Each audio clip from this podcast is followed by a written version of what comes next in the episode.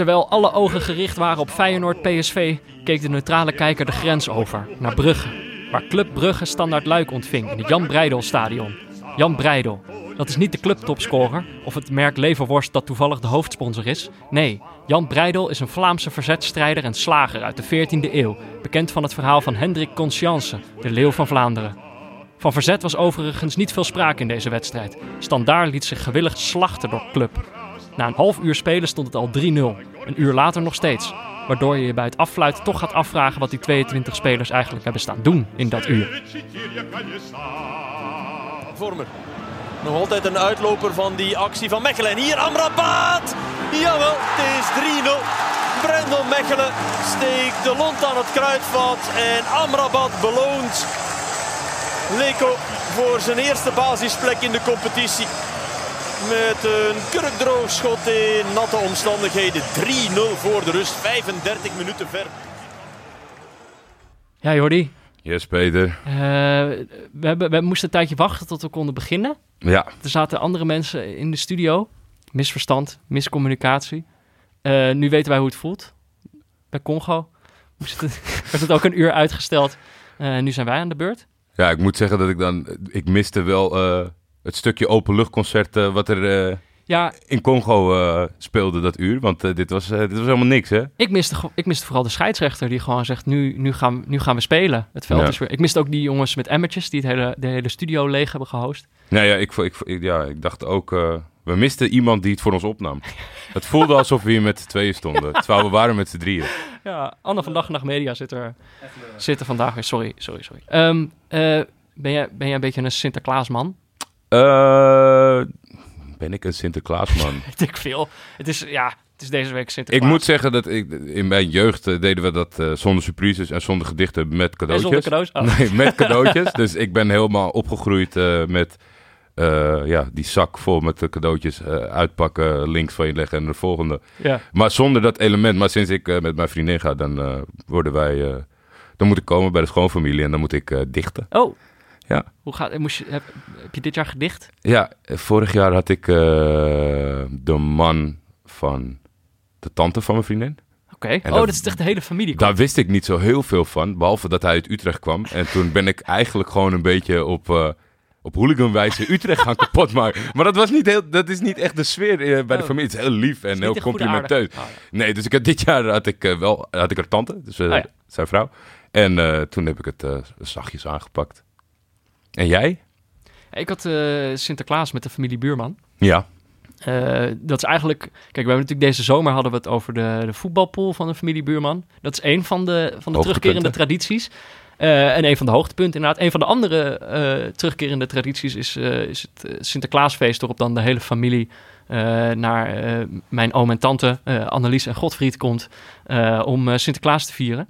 Het is... Het is Surprises? nou, nee, het is eigenlijk vooral door de jaren in het begin, toen alle kinderen nog, eh, nog klein waren, eh, net zo klein als ik. Toen ehm, eh, was het wel gebruikelijker, ging het wel echt veel om cadeautjes en zo. En inmiddels is het wel echt meer een soort, echt wel meer een samenkomst van de familie geworden. En staat dat meer in het, in het teken. Het is ook, mijn oom en tante gebruiken het ook als, eh, eh, zeg maar, zij gebruiken het ook als het feest van hun trouwdag. Oké, Eh, dus, dus er zijn meerdere dingen die altijd, ja. die altijd spelen op zo'n moment. En als, ik, je stuurde een foto naar ons. Er was een beetje een passief-agressieve hint van... Niet te veel gekke dingen zeggen, Peter, want we weten waar Nou, jij komt. Nou, nee, kijk, het was sowieso. Ik kwam daar al binnen en toen gingen mensen uit mijn familie al vragen: waar is Jordi? dat is echt zo. Vroeger waar, heb je Jordi niet meegenomen?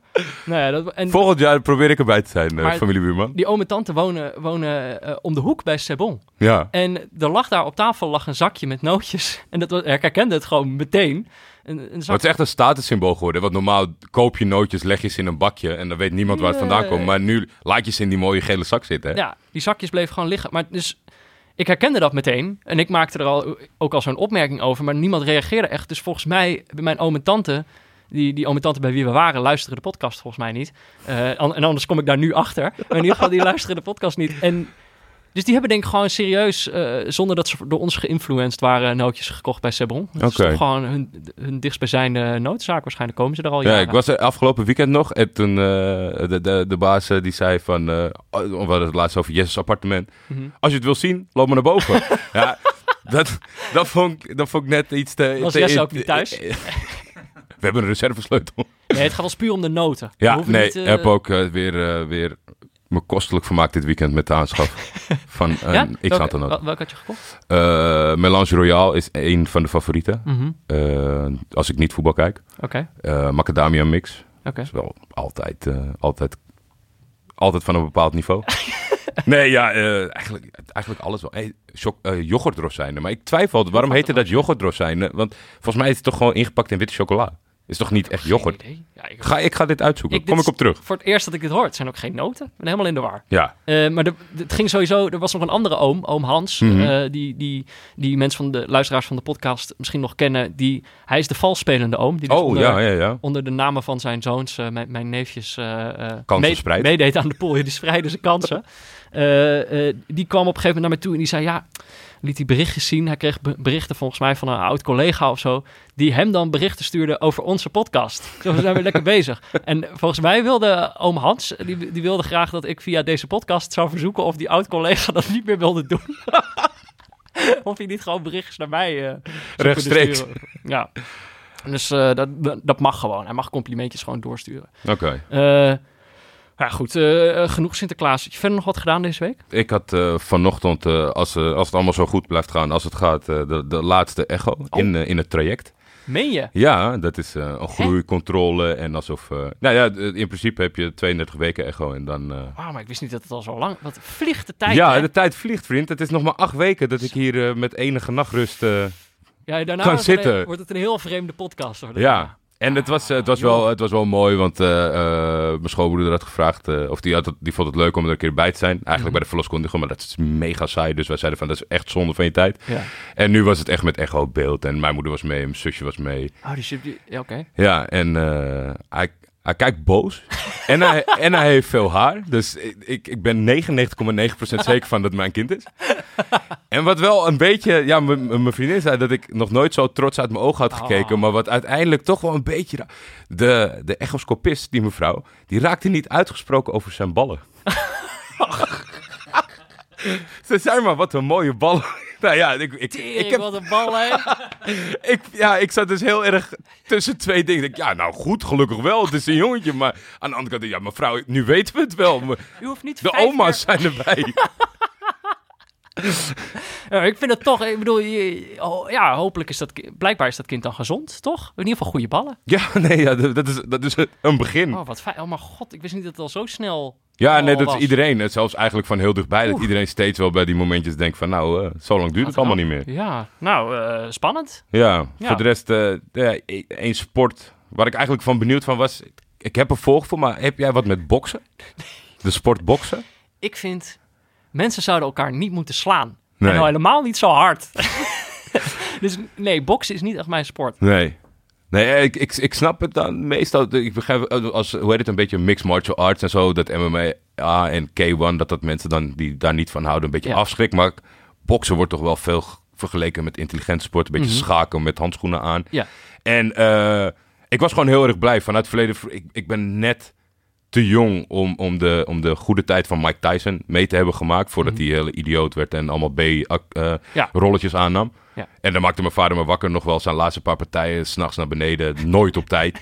Werd je om vier uur wakker gemaakt. Zat je om half zeven met twee stokjes tussen je ogen. Om te zien hoe die in 14 seconden iemand knock-out sloeg. Maar dat- weer naar bed. Als je dat dan niet volgt. Dus heel lang is daar... Eigenlijk is het eh, heavyweight wat toch wel het tofste is. Omdat die mensen het hardst kunnen slaan. Ja. Was dat eh, op een heel laag niveau nooit leuk. En nu is er een beetje... Van alle kanten zijn er hele goede sporters aan het opkomen. En eh, dat was afgelopen zaterdag... Had ik het wekkertje gezet om 6 uur 's ochtends. Oh, echt? Heb Ja. je dat zitten kijken? heb ik zitten kijken. Dat was Deontay Wilder tegen Tyson Fury. De. Bronze Bomber tegen de Gypsy King. En dat was echt dat was een hele spannende wedstrijd met een... Met een ja, moet, Tyson Fury heeft heel veel mentale problemen gehad, aan de drugs gezeten en dat soort dingen. En hij verloor ten onrechte. Uh, uh, iedereen weet dat als je... Het, gaat heel oneerlijk, oneerlijk bij boksen. Als je uitspeelt, dan zijn de scheidsrechters voor de thuisvechter. Dat sloeg helemaal nergens op. Mhm. En hij, maar hij, hij, hij nam het heel goed op. En hij, hij zei eigenlijk: Ik heb hier vandaag gevochten voor iedereen met mental health issues. En als ik van zo'n diep dal, als ik daaruit kan komen, dan kunnen jullie het allemaal. En ik Ja. zal dat blijven doen voor jullie. Dat vond ik heel mooi bij zo'n gewelddadige sport, eh, als dat dat de conclusie was. Ja, En inhoudelijk vechten, dat was het echt smullen. ja. Oké, leuk. Eh, dus- Anne, Oh. Anne van Dag en Nacht Media. Ja. Ik, ik zat me te bedenken, volgens mij 13, 14 dagen lang niet geklaagd over de duur van de Nee. uitzending. Ik denk dat... Heb- Zou hij zich erbij neergelegd hebben? Hebben wij gewonnen? Nee. oh ja, hij zit hier. ik was het al bijna weer vergeten. Oh, we hebben niet gewonnen. Niet gewonnen Nee, nog. je moet geen slapende... Slapende hon, Honden? honden? Ik zat opeens met beren. Die moet je ook niet wakker maken, denk ik. Nee, zeker niet in de wintermaanden. Nee, zeker niet in de. Dan moet je lekker laten slapen. Geen slapende honden wakker maken. Maar ik, we kregen... Kijk, mensen, we hebben het de hele tijd over Anne van Dag en Nacht Media. Maar Ja. er is natuurlijk nog iemand van Dag en Nacht Media. Eh, Tim van Dag en Nacht Media. Te stille. Tot nu toe heeft hij zich heel erg op de, op de achtergrond gehouden. Eh, hij, in de zomer had hij het heel erg druk met zijn eigen podcast natuurlijk. Dus toen ho- hoorden we hem niet zoveel. Eh, de Rode Lantaarn over de, de Tour en andere wielrenwedstrijden. En hij heeft natuurlijk andere favoriete podcast binnen het concern. Dus daar, Blijkbaar, blijkbaar. ja. Maar nu toch? Opeens, hij dacht, ik denk, ik denk dat hij een beetje jaloers was op hoe, hoe wij Anne hier elke week weer infietsen en noemen. Ik denk dat hij ook wilde. Hij had de kritiek op de structuur van onze podcast. Ja. Hij vond het Ik vond het ver gezocht. Hij zei, hij zei, ik vond het hartstikke leuk, die aflevering met Pieter. Maar ik begreep eigenlijk helemaal niet waarover het ging. Hoe kan je het dan leuk vinden? nou ja, dat zegt wat over Tim, denk ik. Eh, ik en, en wat over al, al onze luisteraars, die ik daar nog nooit over heb gehoord. Maar ik dacht, we moeten dat misschien toch maar een beetje ter harte nemen. Dacht ik, misschien moeten we vandaag gewoon een goede, gestructureerde aflevering doen. Dat we even duidelijk maken in welk blokje we zitten en wat we in dat blokje gaan doen. Zodat Tim het ook kan volgen. Ja, ik zou het wel fijn vinden als Tim dan hierna aangeeft dat dat de eerste keer was dat hij luisterde. Want dat lijkt me de enige reden waarom hij de structuur niet, niet door had. Maar ja, oké, we hebben nou Anne over de duur, Tim over de structuur nog heel even. En ze gaan ook over de inhoud beginnen. Ja, Laten, laten we daar maar niet op hopen. In ieder geval, eh, dit was het blokje stukje beleving. Ja. Waarin Jordi dan altijd met... Dat is 1.0 in het script eigenlijk. Blokje 1.0. Jordi en ik praten daarin met elkaar over... eh, oh nee, 1.0 is de introductie. Dat is dat stukje dat ik aan het begin doe. oh ja. 1.1 is het blokje stukje beleving. Dat hebben we de afgelopen week eigenlijk gedaan. Maar dat is eigenlijk 1.1a. Want 1.1b, dat zijn de rectificaties. Dus dit is om even om duidelijk Moeten te maken dit, moeten we dit herhalen voor alle meeschrijvers? Dus ik, ik heb het idee dat veel mensen geïnspireerd raken. Dus dan Oh ja. misschien moet je het rustig... Als je dit wil nadoen. Even, even, als je dit thuis ook wil. Schrijf even mee. We gaan nu naar blokje 1.1b. Eh, de rectificaties. We hebben er drie. Dat is toch... We komen elke keer op drie uit. Ja, Vind ik toch wel lekker. Nou, goed dat mensen zich eraan houden. iemand heeft jou achter je vooraan gezeten. Ja, dat was heel goed. Eh, was Max, die natuurlijk vorige week...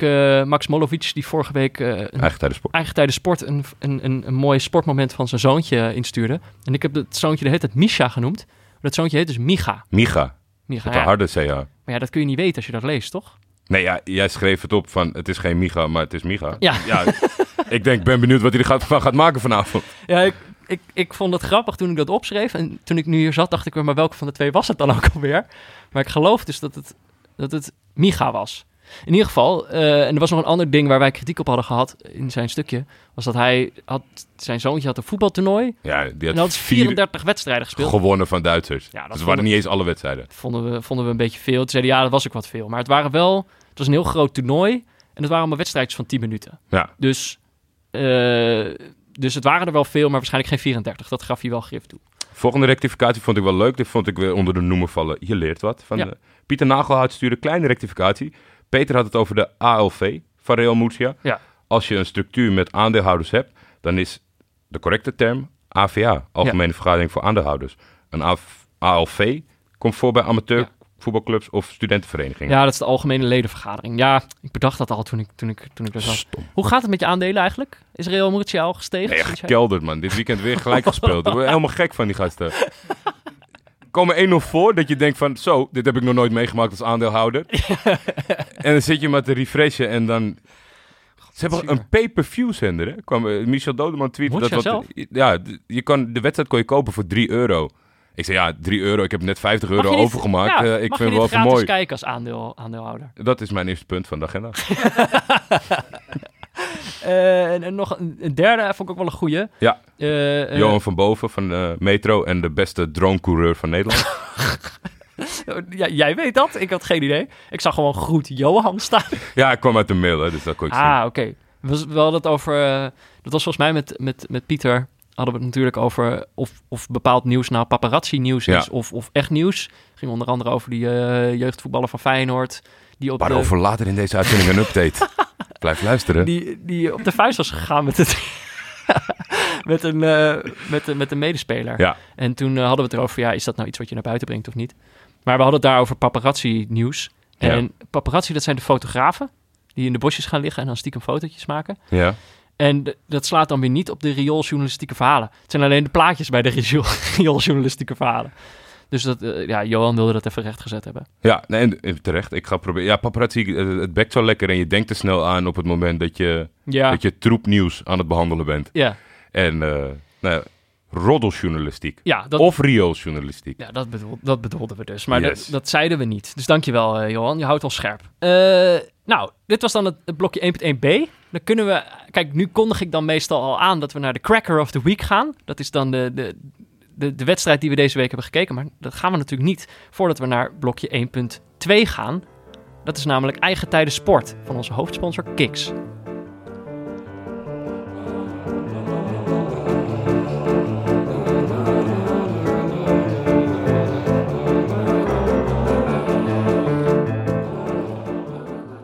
Is Eigen Tijden Sport, in samenwerking met onze hoofdsponsor Kiks, waarin we terugblikken op historische gebeurtenissen in het voetbal die waarschijnlijk terecht in de vergetelheid zijn geraakt.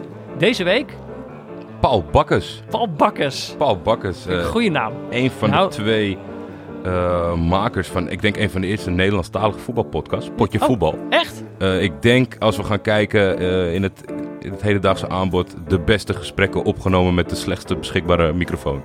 Dat was, dat, het, eh, dat was mijn puntje van kritiek Maar altijd. ergens, maar ergens zijn we wel schatplichtig aan Paul Bakkes. Ja, oh zeker, Oké. zeker. dat is zeker. een te weten. voorloper. Goed om te weten. Hij schreef ons eh, zeker een lang verhaal. Ik ga mijn best doen om, het, eh, om er een beetje ja. tempo in te houden, maar het was wel leuk. Als kind stond de hele week in het teken van de zaterdagochtend. Voetballen. Een ander terugkerend hoogtepunt was Studio Italia. Heet het eigenlijk echt zo? Ik weet het niet. Ik weet het ook niet, waarom vraagt hij dat aan ons? Zoek het gewoon op, Paul. Het programma dat vroeger bestond op het tijdstip van het huidige studio voetbal. Misschien zijn daar wel de problemen van het Nederlands voetbal ontstaan. Kletsen in plaats voetbal zelf. Maar dat even tezijde. Iedere zondagavond kletste Emiel Schelvis de samenvattingen van de Serie A en La Liga aan elkaar. Echt ieder voetbalkind geboren tussen 84 en 89, dit gaat dus over mij, Peter, ik dacht al, moet gewoon van. Emiel Schelvis houden. Anders, ja sorry Jordi, ben je gewoon een gevoelloze robot zonder enig gevoel voor sentiment of nostalgie. nee, maar ik heb, dit, ik, heb me, ik heb me hier vaker over uitgelaten. Hè. Eh, Emiel Schelvis is mijn jeugd. Emiel Schelvis is eh, zondagavond topper in de, in de Serie A. Maar ja, iemand kan slechter worden. Misschien luister je nu met plezier naar mij en denk je over tien jaar, wat een lul is dat? Dat kan. Ik vond wel een gevoelloze robot zonder enig gevoel voor sentiment of nostalgie. Dat omschrijft jou wel. dit, is, dit is exact hoe ik jou uitleg aan, eh, aan, aan mensen die jou niet kennen. Ik ga verder, Peter. Ja, ja, ja. Emiel dus. Hij bracht al die helden in mijn woonkamer. Iedere maandagochtend om half zeven de wekker gezet om te kijken naar Ruben Sosa, Recoba, Kiko, Caminero, Mijatovic, Suker, Pizzi, Romario, Stoichkov, Redondo of Beppe Signori. De hele week... Ken jij een van die spelers? Eh, Recoba. Oké. Wel een goede gozer. Eh, ja, dat is het eigenlijk wel zo'n beetje. Romario, misschien? Nooit van gehoord. De hele week flitsen de beelden door mijn hoofd. Maandag, dinsdag en woensdag nog vrijblijvend. Maar in de loop van de week moest er natuurlijk ook gewerkt, gewerkt worden als kind. Nou ja. Want welke speler ging ik Oh, Want welke speler ging ik in godsnaam op zaterdagochtend personificeren op het amateurveld in Noord-Brabant? Iedere week nam ik me voor dat ik een andere speler was. Een speler die ik via Emiel had leren kennen. Zo maakte ik ooit als Fernando Redondo een hat-trick uit bij VV Haarsteeg of Helvoort. Helvoort? Hel Helvoort is dat denk ik. Net als bij Oorschot. De Oké. OI. Ja. Die kon ik nooit uit elkaar houden. Boeren met een blauw tenue. Ook speelden mijn vriendje Giovanni en ik ooit Finidi George en JJ Okocha Echt, de juichpolitie had ons nooit klein gekregen. Via OJC en Wilhelmina was ik inmiddels bij RKVV Emplina uit Empel beland. Emplina, dat klinkt Goeie naam. Ja, alsof ze een Italiaanse Ja. club hebben opgericht. In Empel. echt heel slecht nadoen. Empoli, Emplina, Ja. ja. Eh, we zitten in Empel en we moeten op een bewuste zaterdagochtend naar Nooit Gedacht Geffen. Dit vind ik wel echt een mooie naam voor een club. Dat lijkt me ook echt de eerste gedachte als je in Geffen staat. Nooit gedacht Nooit, ik... nooit gedacht, Geffa. Een seizoen waarin we schier onverslaanbaar waren. We hadden al onze wedstrijden gewonnen dat seizoen. En de wedstrijd tegen Nooit Gedacht was een oefenwedstrijd. Die week was ik in de band van Beppe Signori, de spits van destijds Lazio Roma, vermoed ik. Waarom? Beppe zijn penalty uitstand. Tientallen malen draaide ik de videoband terug om te bestuderen hoe hij dat deed. Hoe staan zijn voeten? Hoe raakt hij de bal? Minutenlang werd de techniek van Signori's standpenalty geanalyseerd. Uit naar Geffen dus. De wedstrijd tegen Nooit Gedacht eindigt in 2-2. Wat een teleurstelling. Beppe speelde ook matig. en toen, de penalties de afloop. Oh, dat was fijn. In de F'jes en de E'tjes. Maar oké, de penalties dus. Het moment om te shinen, mijn moment. Kleine, kleine complicerende factor. Beppe Siori was links. En ik was toen al een purist. Dus ja, ik moest de penalty ook met links nemen. Zelf ben ik rechtsbenig en hoewel ik best een bal kan raken met links, was dit toch wel een pittige opdracht. Vol vertrouwen ga ik achter de bal staan en kijk eens goed om me heen. Ziet iedereen mij wel, zo zonder aanloop met de voet al tegen de bal. Nadat ik geconcludeerd had dat ik voldoende aandacht kreeg, sweepte ik mijn linkerbeen naar achteren en raakte de bal. Bal vol, perfect, op het snijvlak van de vreef en de binnenkant van je voet. De bal scheert een paar centimeter over de grond in de richting van de rechterhoek, links van de keeper. Hij kan er nooit bij. Mijn armen gaan al in de lucht en opeens dat doffe geluid. De paal. Met een flinke snelheid rolt de bal achter de keeper langs over de doellijn, de goal uit. Godverdomme. Alles ging goed, maar toch mis. Terug naar huis was ik alweer blij en trots. Had ik toch maar mooi even gedaan. Beppe Signori geïmiteerd met een penalty uit stand als E-pupil. Je moet het maar durven. Wat een mooi verhaal. Om zulke lange verhaal in te sturen. Ja, je moet er wel lef voor hebben. Ik, ik, ik, ga een glas water nemen. Voortaan moeten we, moeten, we, moeten we dit gewoon even eh, redigeren. Dan halen we er gewoon een, paar dingen uit. Dus mensen moeten tot, tot to the point blijven. Maar ik vond het wel leuk dat af en toe... dat hij al schrijvend afdwaalt. Dat- en toen de penalties na afloop. Oh, wat was dat fijn. maar heb jij wel, nam jij wel eens de penalties? Ik neem eigenlijk nooit de penalties. En dat Oh. is ontstaan toen ik werd, eh, in mijn beginfase, toen ik bij de selectie kwam bij het eerste. Mhm. Toen moest ik, eh, een van mijn eerste wedstrijden speelde een bekerduel. Dat is eigenlijk op, op dat niveau de enige manier dat je penalties moet gaan nemen. Het werd gelijk, het regende heel hard. En alle jongens die, die tien jaar ouder waren dan ik, die zeiden, ja, de- pff, ik voel me niet goed hoor. En toen ging hij vaderlijk mij zo bij de schouder en zei, Jor, ik vertrouw op je, neem jij maar. Ik wilde helemaal niet, maar ik had ook nog niet, ik was nog niet mans genoeg als 15-jarige om te zeggen, dat, dat, dat, durf ik niet. Dus ik ging erachter staan en ik schoot hem onder de arm van die keeper. Dus omdat het zo glad was, v- Ah. vloepte hij er wel in. Maar dat gevoel eventjes dat ik zou missen, eigenlijk heb ik bijna nooit meer genomen daarna. Oh, oké. Oké. Jij? Eh, nou, we hadden bij mijn team hadden we wel... ehm, wij deden dan, gingen we op trainingen, deden we een soort shootout. Ja. En degene die won, mocht daarop volgende wedstrijd, als er een penalty kwam, Ah, de penalty nemen. Goed, goed ik heb- concept. Ik heb die wel eh, meerdere keren gewonnen. Er is nooit een penalty eh, opgevolgd. En ik, ik denk ook eigenlijk dat ik dan toch ook wel het soort, soort mens was geweest die dan uiteindelijk toch op het moment suprem dan had gezegd: nee joh, deze, deze topspits, laat die hem maar nemen. Op training is natuurlijk wel een ander verhaal. Ik kan er niet op trainen eigenlijk, hè? Penalties. Een loterij. Eh, maar Paul is natuurlijk niet de enige die ooit op historische wijze een penalty uit stand op de paal schoot. Dit seizoen van Neutrale Kijkers gaan we op zoek naar jullie voetbalmomenten die waarschijnlijk terecht totaal in de vergetelheid zijn geraakt. Heb je ooit een penalty gemist op een belangrijk moment? Scoorde je ooit een omhaal toen niemand keek? Heb je wel eens een hakje gedaan? Stuur het ons op. Mail je eigen historische voetbalmoment naar neutralekijkers.gmail.com. Wij geven jou de aandacht die je verdient in eigen tijden sport. Dat doen we natuurlijk samen met Kiks, waar je op je eigen tijden sport. Bij Kiks kun je namelijk voetballen zonder verplichtingen. Zonder team, zonder club en zonder lidmaatschap. Gewoon voetballen. Kijk op kiksvoetbal.nl slash neutrale kijkers en probeer het gratis uit. Nou, zijn we nu aangekomen bij blokje 1.3. Volg je het nog, Tim? Ben je er nog, Tim? Van 1.3, de Cracker of the Week. Dat is eh, eigenlijk de centrale ru- rubriek van deze podcast. Eh, elke week kiezen we een wedstrijd uit om eh, neutraal te gaan bekijken. En eh, we stellen onszelf uiteindelijk de vraag: wat leerde ons, deze wedstrijd ons over het neutrale kijken? De rubriek heet The Cracker of the Week. Dat is natuurlijk een, eh, een subtiele verwijzing naar eh, Ruud Gullit, die deze zomer eh, on paper a cracker munte. Eh, en we hopen natuurlijk dat het op den duur gesponsord gaat worden door een crackermerk. Ja. Eh, we hebben een voorkeur, het liefst, het liefst Waza. Ehm, ik heb begrepen dat er, er is al een mail, Anne, er is een mail uitgegaan naar Waza. We zijn bezig. Ver in de onderha- onderhandeling. Oké, de onderhandelingen zijn bezig. Eh, kijk, ik wil niemand onder druk zetten. Eh, het voor mij niet moet niet te lang duren. Dan is het seizoen alweer voorbij, toch? Oh, ik, ik was eigenlijk, ik gaf ze één week, maar omdat jullie vonden van, geef ze iets langer. Nog één week dan. Kijk, maar ja, ik bedoel, er zijn meerdere crackermerken. Dat is alles wat ik zeg. Ik, Ja. ik wil niemand onder druk zetten, maar eh, nou ja, ik heb gehoord dat Lu eh, er ook best oren naar heeft. En Liga heeft gebeld. Li oh, Liga. Ja, nou ja, daar ga je al eigenlijk. Ehm, goed, dus eh, we kunnen het ook altijd nog vernoemen naar, naar, naar weet je, als Sebon ons wil sponsoren, dan kan het altijd nog de kraker van de week noemen. Ik heb, ik heb even rondgekeken zaterdag of ik crackers kon vinden. Maar ik kon het niet zo snel zien. Maar, Maar ik dan- denk dat ik er zaterdag op was geweest dat hij ze wel heeft. Maar verkoopt hij niet dat ehm notenkrakers? Dat we het dan de kraker van de week kunnen noemen?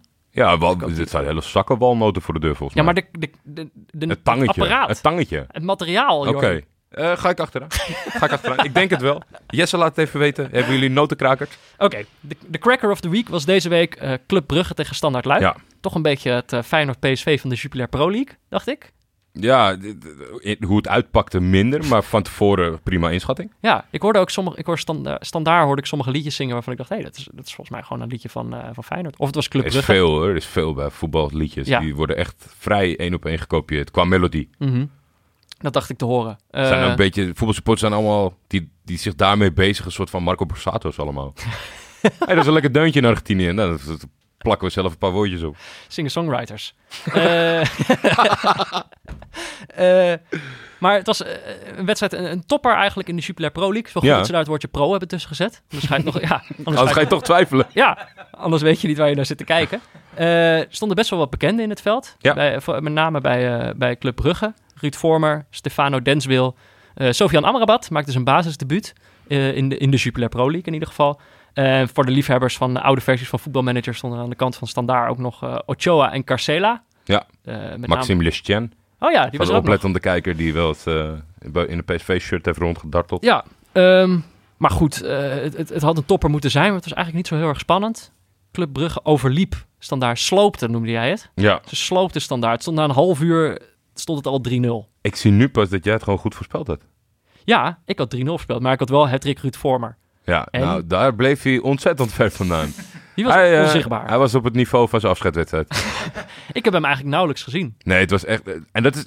Volgens mij lijkt me dat extra vervelend als je ploeg zo goed speelt en je hebt gewoon nul bijdrage. Ah, het is echt... het- Hij deed niks soort van... Ik had dus weer, ik, ik had weer een, eh, een stream zonder commentator. Echt? En dat je dan op een gegeven moment wel gaat afvragen van, doet hij wel mee? Ja. Staat hij er wel in? En dan komt hij op een gegeven moment kwam hij wel in beeld. Maar hij kwam inderdaad ook niet zo in het spel voor dat je hem dan... nee, eh, helemaal niet. Helemaal niet. Er was heel weinig betrokken. Maar ja, uiteindelijk denk ik dat niemand aan clubskant eh, zich daar zorgen over maakte. oh, omdat nee. eh, ja. in België zijn ze natuurlijk tweetalig. Ja. Dus ik had opgezocht, wat is de eh, sportpartij in België die dat soort wedstrijden uitzendt? Mhm.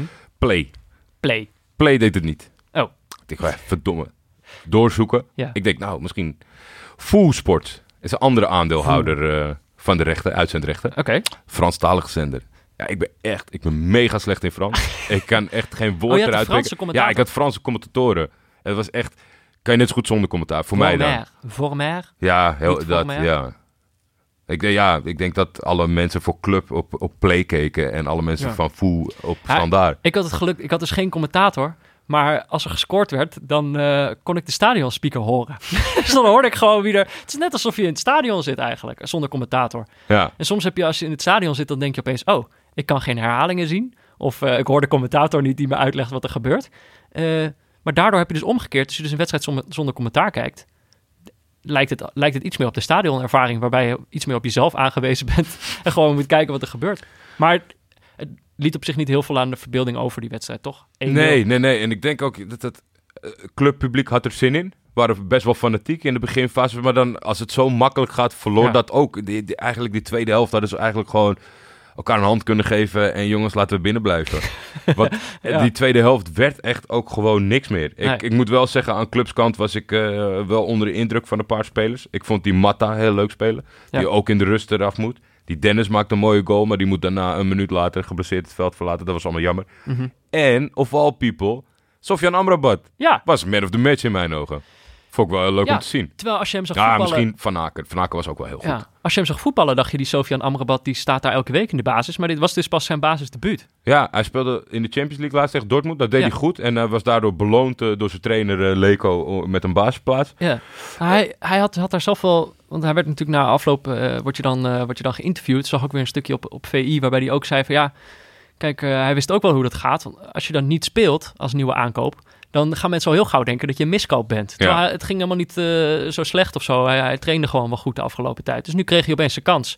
Nou, we kunnen wel stellen dat hij die gepakt heeft. Die heeft hij zeker gepakt. Hij maakte de, de 3-0, snoeihard schot. Ja, af, afvallend balletje. Ik vond dat wel, was zo slecht verdedigd van Standaard. Maar hij knalde hem wel heel lekker binnen. Ja, ik denk als je, als je zeg maar die stream had opgezet zonder dat je hem zelf had aangeklikt, dat je geen...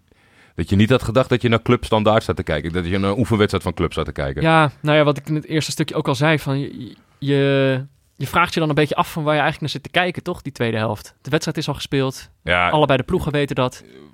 als, in onze zoektocht weet je dat het misgaat als je, als je niet meer alert bij die wedstrijd bent. Dat Ja. je even naar buiten kijkt. je telefoon pakt. Een wasje draait. Ik had Nee, toch, tegelijkertijd was natuurlijk Feyenoord PSV bezig. Ja. Maar natuurlijk to- toch belangrijk voor de, voor de eredivisie. Ook een spannende wedstrijd. Dus dan toch altijd tijdens een wedstrijd zit je toch een beetje op Twitter. En dan lees je dan inderdaad niemand over Club Standaard. Nee, Maar wel over eh Feyenoord PSV. was, eh, Alhoewel, we kregen wel van een aantal clubsupporters... die stuurden na een half uur meteen al een berichtje van... nou, jullie moeten elke week kijken. ja, Zo ja, makkelijk gaat het nooit. Nee, in België zelf hadden ze natuurlijk wel eh, deze ingeschakeld. Dus Ja. ja, dat, eh, dat sentiment begreep ik wel. Dat was wel grappig. Er zat ook iemand, eh, een luisteraar in het stadion. Vond ik ook een vette foto. Eh, Oh ja. Ja. Sowieso, ik kijk, ik hoop wel... Dit was natuurlijk jammer voor de, voor de, voor de Belgische luisteraars. Die denken dan misschien toch van ja... eh, eh, kijken ze een keertje, zien ze deze wedstrijd. Dus eh, Een declassering. Ja, misschien dat zij dit jammer vinden... dat het niet de perfecte reclame was voor de Jupiler Pro League. Eh, Nee. Maar ja, we, we gaan echt nog wel een keertje kijken. En misschien kunnen jullie ook wel tips geven... als er een keer een wedstrijd voorbij komt... waar jullie zeker weten dat het, dat het wel een klapper gaat worden. Ik zag een, een entertainment eh, toevoeging aan de ervaring. En dat gebeurt met veel sporten en volgens mij ook in veel competities. Maar dat, dat in Nederland op een of andere manier wordt dat toch nooit wat. Er werden spelers eh, van beide clubs, werden er één of twee spelers in de rust geïnterviewd. Ja, En dat zat in de, in de, in de uitzending. Ja, ik, ik vind het altijd wel mooi, denk ik. ja? Ja, in de, ho- hoog in de emotie. Totaal ja. nog, geen, ge- nog, geen, nog niet even twee seconden kunnen ik vind het nadenken. heel gek eigenlijk. Ja? Ja, ik vind het, het voelt echt inderdaad. Soms heb je ook, dan wordt er gesproken over. ehm, moeten er camera's in de kleedkamers, eh, moeten we daar ook kunnen filmen? Nog dichter bij de spelers. Ja. Maar ik vind het altijd vreemd om te zien. Het voelt echt als een soort. Ik, ik heb het ook niet nodig per se of zo. Het is een beetje alsof je dan. Weet Nee, ja. wissels- wisselspeler staat klaar om in te vallen. En dat je dan nog even gaat vragen: Oké, eh, jij valt zo in. wat, wat denk je er zelf van? Ja. Zin in, openbreken, oorlog maken. Oorlog maken voorin. Ja, ik, denk dat het ook eh, inderdaad misschien wel cultuurgebonden is. Want als je kijkt naar zo'n kleedkamertoespraak in Amerika bij Amerikaanse sporten, waarvan ze ook weten dat ze gefilmd worden, Ja. dan heeft dat wel wat filmisch en wat heroïs. Maar ik denk dat dat bij, eh, bij Emmen in de kleedkamer moeilijk nabootsen wordt. Ja, ik ben in heel veel opzichten denk ik geen, geen purist als het gaat om voetbal. Maar hier heb ik vind ik dat toch vreemd om Wegblijven. te zien. Wegblijven, moet niet zien. Nou, ja, ik weet niet. Het, het dringt inderdaad op een of andere manier... breekt het de magie van zo'n wedstrijd door. En wat jij ook zegt, hoog in de emotie. ja. Ja, als je spelers echt domme dingen wil laten zeggen... dan moet je ze gewoon meteen in de rust eh, te grazen nemen. Eh, nou ja, ik had nog een ander ding wat me eigenlijk opviel. En dat is eigenlijk een beetje het laatste ding. Onze conclusie over deze wedstrijd... is dat het niet een heel lekkere wedstrijd was voor het neutrale kijken. Toch? Nee. Ik denk, nee, daar ben ik het met je eens. Eh, Ik denk, op zich... eh, Eerste half uur was leuk. eerste half uur was van een heel hoog niveau van een van de beide clubs. Maar het was, het was toch anders dan... Dit, dit was vele malen heftiger dan... Hadden de conclusie dat City gewoon te goed was voor United. En Ja. dat dat het niet heel leuk maakte. Maar de club was nog beter. En dat maakte het nog minder leuk of zo. was te groot. Ja, Ja. Het, het sloeg echt helemaal nergens om. Ik, nou, ik- en, en, en ik had ook het gevoel dat Standaard eigenlijk helemaal niet zo wilde. Maar Nee, dat blijkt dus wel. Want ik heb Ja. eh, natuurlijk eh, even wat, eh, wat research gedaan. Dan kan je altijd Guillaume Mabe Ja. een berichtje sturen. En er was dus een heel... Maar daar stond hij ook wel een beetje bekend om. Dat hij zich heel erg aanpast aan tegenstanders. Dus hij had helemaal een strijdplan waarom dit ging werken. Ze hadden donderdag een, een zwaar duel gehad tegen Sevilla. Hij had zijn ideeën van geen, geen diepe spits neerzetten, maar bewegelijke jongens. Als valse, valse negens. mhm. Eh pak het even verkeerd uit. zo.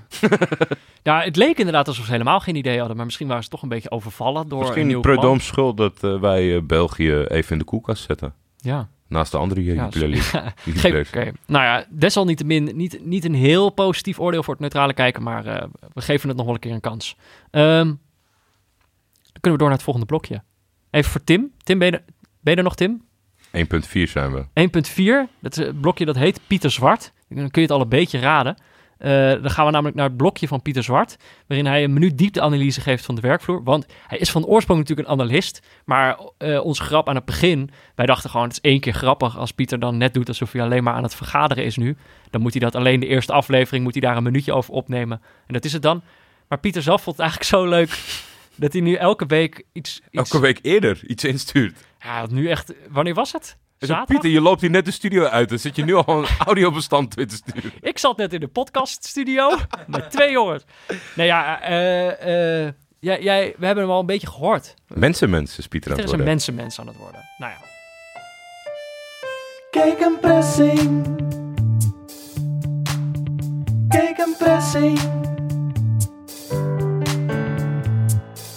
Vrijdagmiddag zat ik niet in een vergadering, maar tegenover de Duitse trainer van Heracles Almelo, Frank Wormoed. Toen ik uitlegde wat ik voor plan was met het interview, verraste hij me met de vraag: Heb je zelf ooit gevoetbald?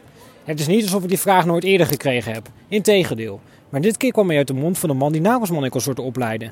Blijkbaar merkte Wormoed op dat ik even uit evenwicht gebracht werd. Want hij nam de moeite om uit te leggen dat hij niet vijandig bedoeld had. Hij kende geweldige videoanalisten die nooit gevoetbald hebben. En ex-voetballers die voor het bord perfect konden uitleggen, maar dit niet konden overbrengen op een groep. Trainer zijn vergt meer dan theorie, wilde hij maar zeggen. Om daarna een referaat van twee uur over zijn speelwijze te houden. Het kostte me geen moeite om de parallel met mijn eigen nieuwe rol te zien. Voordat ik hoofdredacteur werd, dacht ik over trainers die riepen dat hun werk 75% werken met mensen was en slechts 25% tactiek. Leuk verhaal voor de bühne. Nu weet ik, ze hebben gelijk. Je doet het voor de inhoud, maar je doet het met de mensen. En hoe leuk het ook is om over dat eerste te vertellen, dat tweede maakt het verschil. Kijk een pressing. Kijk een pressing. Zo heeft Pieter toch altijd weer geheimen, hè? Ja, ik, uh, Je hebt no dan denk je die ik jongen had te niet kennen. verwacht. Dan denk je die jongen te kennen en dan komt er toch opeens weer een kant van hem die je nog niet kent. Hij kan ook veel. Hij kan nog veel. Eh, blokje 1.5. Het heet verder nog wat leuks. Er bestaat, oké, dat is de rubriek verder nog wat leuks, waarin wij ons afvragen of er verder nog wat leuks is. Eh, headlines, nieuwtjes, andere dingen die ons zijn opgevallen. Dus er één dingetje mee. Anne vindt die naam niet goed. Nee.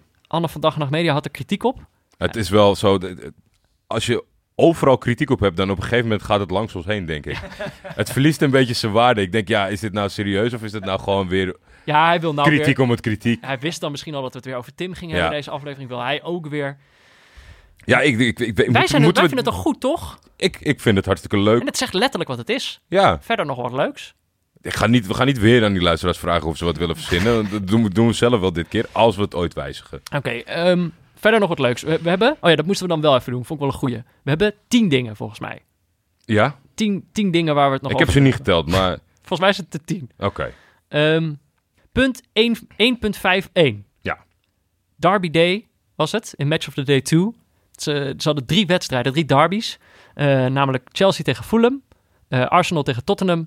en eh, wij hebben hem tot de cliché-derby gedoopt, Liverpool-Everton. Ehm, ik zat die wedstrijdjes terug te kijken. Ze kunnen dat natuurlijk supergoed bij Match of the Day. Hè? Ze kunnen daar wel... eh, elke wedstrijd kunnen ze wel schwung geven. Ja, Daar weten ze wel een verhaaltje op te plakken. Ja, ik zat dat te kijken en toen dacht ik wel van ja, wij moeten eigenlijk. eh, we hebben al een aantal derbies gekeken natuurlijk, maar ik zag, ik zag in die wedstrijden zag ik wel wat magie waarvan ik dacht dit, dit is precies wat je als neutrale kijker in een derby kan vinden en niet zo gauw eh, in andere wedstrijden. En was in bijzonder bij de wedstrijd Arsenal-Tottenham. Echt een wedstrijd die echt van hot naar her ging. Sloeg steeds om. Dan dacht je weer Arsenal heeft de overhand en dan had plotseling Tottenham weer de voorsprong. ja. En dan weer. En zo ging het echt drie keer heen en weer. En dat kan natuurlijk in iedere wedstrijd. Maar er was één specifiek moment in die wedstrijd dat eh Dyer maakte de 1-1 volgens mij. En hij gaat daarna zo heel ostentatief eh, juichen voor het Arsenal-publiek. Het kwam hem duur te staan in het verloop van de wedstrijd. ja, maar het was wel, zeg maar, 1-1. Ah, Die reserves van Arsenal, die stonden daar vlak in de buurt. Die, vielen, die, die vlogen Dyer naar de keel. eh, twee ploegen Pochettino in zijn pak en door die hoek toe Precies. rennen. Coaches gingen zich er nog mee bemoeien. Enorme heisa. Ja, dit gebeurt niet snel in, in eh, andere wedstrijden. Precies. En, Ja. en maar ook kort daarna meteen de 2-1 voor Tottenham, de 1-2. Ja. Dat ik ook dacht, op die manier, zeg maar, heeft die, die rivaliteit tussen die, die gecultiveerde rivaliteit tussen die twee ploegen, heeft dan ook effect op het wedstrijdverloop. Want Arsenal heeft zich natuurlijk heel eventjes laten uitlokken of zo, of heel even laten afleiden. Ja. En Tottenham staat meteen voor. Ja, uiteindelijk natuurlijk nog wel Arsenal die eh, aan het langste eind trekt. Maar ik dacht daardoor, ik zat daar, zat daar te kijken, toen dacht ik, ja, we moeten gewoon lekker derbies gaan Ja, kijken. één overweging denk ik is dat eh, je zal niet zo snel verrast worden. Ik denk, ik, denk ik, ik, ik ben helemaal pro omdat de kans bestaat inderdaad dat, dat de wedstrijd zo verloopt. Ja. Maar je, je gaat eerder teleurstelling krijgen op het moment dat hij tegenvalt. En je bent niet echt meer verrast omdat, we, omdat je een derby kiest dat hij zo uitpakt. Nou ja. En dus bij een onbekende wedstrijd heb je nog een beetje dat verrassingselement. Ja. Alleen, Nou, hier was de uitslag was wel echt een, een verrassing tot het einde nou ja, toe. als we zo. deze hadden gekozen, was, het, eh, was dat perfect geweest. Ja. Er zat alles in. ja, en ik heb ook echt Arsenal of Tottenham zijn me ook een beetje om het even of zo. Ja, dat moet ik ook niet te hard zeggen. Ti- Tim van Dag en Nacht Media luistert mee en eh, is, is Arsenal eh, fan? Fan? Fan. Of iets anders. Supporter. Waarover later meer. Blijf Dat komt hangen. in een later punt terug. 1.52. Eh, ja, die- jij had het net al even aan. Eh 1.52, de cliché derby, werd op clichéwijze beslist. Met een hele gekke goal in de allerlaatste minuut. Ja. Het, was, het was de wedstrijd van de keepers. Eh, keepers deden het allebei heel goed, Alisson Becker en, en Pickford. ja. En eigenlijk een wanhoopspoging van Virgil van Dijk die de bal totaal mist. Hij draait al om. Ja, hij, hij zet al weg te shocken. We gingen na de wedstrijd wel leuk mee om met een knipoog van eh fantastische assist. Ja. En de bal stuitert op de lat. Dat gebeurt Ja. bijna nooit. Keeper probeert hem nog te pakken, Ja. Pickford. En eh, Origi staat eh, en die kopt hem van, eh, vanaf de doellijn erin. Ja. Klunzig. Heel klunzig, heel klunzig. Maar wat ik zag na de... En dan zetten ze dat doelpunt met eh, het muziekje van Titanic eronder. Ken je dat fenomeen? Dat mensen dat doen? Ja, volgens mij hebben we, het daar, hebben we het daar deze zomer al een keer over gehad tijdens Ja? de WK. Nou, ik weet het niet hoor, maar ik, ik ken het fenomeen, ja. Zo lang zijn ze al bezig, bedoel ik. Zeg Ja, ja, ja het, is, het, het blijft terugkeren. Nee, Het doet niks met mij. Helemaal omdat niks. Ik, misschien omdat ik niet zo'n groot Titanic-fan ben of zo. Nee? Maar dan, zeg maar, werkelijk elk moment, dat elk voetbalmoment ooit, daar zet iemand dan de, de muziek van de Titanic onder en dan, en, dan, en dan is dat dan zogenaamd meteen meeslepend of zo. Maar ik voel dat dus... Dan ben je in mijn ogen gewoon een gevoelloze robot zonder enig gevoel voor sentiment of nostalgie. Ja, misschien, misschien, ja, misschien ben ik iets te jong. Nee, ja, het, het- ik, ik, ik vind dat het te, te veel gebeurt. Hm. Ik, vind het, ik vind het wel een leuke grap. En die kan, als hij goed wordt toegepast, werken. Ja, maar Ja, iedereen heeft natuurlijk dat geluidsfragmentje. En edit is dus niet zo moeilijk. Dus ja, het, het wordt, het wordt, bij deze past het niet echt. een clichéfilmpje bij een cliché derby, wil Absoluut. je zeggen. Nog eentje. 1.5.3. Ja. Wouter Holsappel van OogTV. Dat is de regionale omroep van Groningen. Die zit er bovenop de plaatselijke FC. Vond ik wel grappig. Die ging deze week een weddenschap aan met Mimoun Mahi. Het was een heel leuk open gesprek. Is volgens mij ook een hele vriendelijke jongen.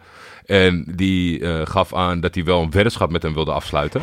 Oké. En toen zei Wouter van, nou, eh, zeg het maar. Wat vind je lekker? Dan, eh, dan zetten we daarop in. Ja. En toen zei hij broccoli. Een weddenschap om een broccoli. Ja. Als hij twee keer zou scoren, zou hij een broccoli krijgen. krijg je een broccoli. En als hij niet twee keer zou scoren, zou hij een biertje aan Wouter geven. En hij scoort dus twee keer. Eentje hmm, op het randje van eigen Maar hij scoort twee keer en hij kreeg zo'n broccoli in ontvangst. Het was een leuk filmpje. Eén broccoli. Maar het was, ja, volgens mij één broccoli. Ja. Misschien kreeg je nog een tweede, dat weet ik niet Niet zeker. een soort leven lang broccoli of zo. Of een jaar lang gratis broccoli. Nee, maar één broccoli. de eerste keer dat je het eerste filmpje ziet, lig je gewoon in een deuk. Omdat, wie, dat is gewoon, heeft volgens mij nog nooit plaatsgevonden. dat iemand als inzet van een weddenschap, waar het ook over gaat, om een broccoli vraagt. Ik vond, ik vond het heel goed Wat van zou er mij. in zijn hoofd op zijn gegaan dat hij dat zei? Zou hij gewoon denken, ja, hij dacht oprecht aan, ik denk dat hij gewoon meteen is gaan, wat vind ik lekker? En dat hij dol is op broccoli in de avond. nou top. Dat moeten wij voortaan doen. Als je, als je het goed voorspelt dat je dan een broccoli krijgt. Jumbo, Aldi, Lidl. Als jullie luisteren. Eh 1,5. Waar zijn we? Vier. Vier. Vier. nou, blij, nou ja, blijven we dan een soort van in Groningen. Arjen Robben heeft aangegeven na dit seizoen te stoppen bij Bayern München. Ja. Na tien seizoenen. Ja. Mijn vraag aan jou, Peter. Waar moet Arjen Robben heen? Nou, eh, ik, ik had daar serieus wel over naast te denken. Toen ik hoorde dat hij stopte, Ja. dan wordt er natuurlijk onmiddellijk gezegd... gaat hij misschien naar PSV of gaat hij naar Groningen... waar hij natuurlijk oorspronkelijk eh, begonnen is als profvoetballer. Maar ik zag dat echt... Ik zie het eigenlijk allebei niet zo, zo goed voor me. Maar Groningen echt al helemaal niet. En helemaal niet omdat ze dan dit seizoen toevallig slecht doen. Maar weet je, Arjen Robben is, is echt ook op dit moment nog steeds... denk ik, een van, gewoon een, misschien wel de beste Nederlandse voetballer. Eh, En natuurlijk, bedoel, hij is wel een beetje aan het afbouwen en zo. Maar ik zie het gewoon niet voor me, Arjen Robben in een, in een Groningen shirt. Het er hartstikke maf. Überhaupt niet in de eredivisie eigenlijk. Kijk, toen Van Persie terugkwam, was het al een paar jaar zo van... Ja, oké, dat wordt wel tijd. Bij Robben heb ik eigenlijk nog het idee, ja... Nou, ik- ja, het zou hem heel erg sieren als hij het deed. Maar ik zou het wel Oh, raar, ik zou er even aan moeten wennen. Ja, ik denk, ik denk dat we er allemaal aan moeten winnen. Ik vind het echt ook best wel bijzonder dat het, eh, dat het op hetzelfde niveau staat, zeg maar, als... Nou ja, eigenlijk is het de kans van ons allemaal, wat wij denken, is groter dat hij naar Groningen gaat dan naar PSV. Ja. Het lijkt alsof hij niet zo heel veel affiniteit heeft met PSV. Veel omdat hij op de tribune zit bij Groningen, is makkelijk gemaakt en, en komt er vandaan, komt er graag heen. Ja. Het schijnt dat zijn, zijn partner en gezin eh, mogen volgens mij de knoop redelijk doorrakken. Zandbak niet. Eh, Nee. Ik vind het ook niet op, ik vind het eigenlijk ook niet bij hem passen hoor. Ik bedoel, hij, hij heeft natuurlijk echt al zo dat imago van een, van een modelprof die keihard werkt en zo. En dan vind ik dat toch ook wel meer een soort klassiek beeld van iemand die dan terugkeert naar de club waar hij is begonnen. Vind Ja. ik wel bij hem passen. Ja. Dus ik, toch, ik, misschien toch ik gewoon. ben heel erg benieuwd. Ja. En ook hoe hij dat zou doen. Of hij dan misschien, misschien gaat hij wel keihard afbouwen, weet je wel. Beetje op de Heitinga manier. dus dat je echt een half seizoen meedoet en dan gewoon verdwijnt. En Ah, je Rob wel coach- goed voor de kleedkamer. Dat zou echt zonde. Anne van Dag Nacht Media wilde heel graag dat, hij, dat Rob een speler-coach zou worden. Dus dat hij het allebei wordt. Ja, ja, dat zie je bijna niet meer tegenwoordig. Er Nee. zijn natuurlijk wel een aantal voorbeelden. Edgar Davids heeft het gedaan bij Barnet. Mhm. eh, met verven. Gaf zichzelf rug nummer 1. Viel vaak in om, eh, om eh, letterlijk de Ja. oorlog te maken.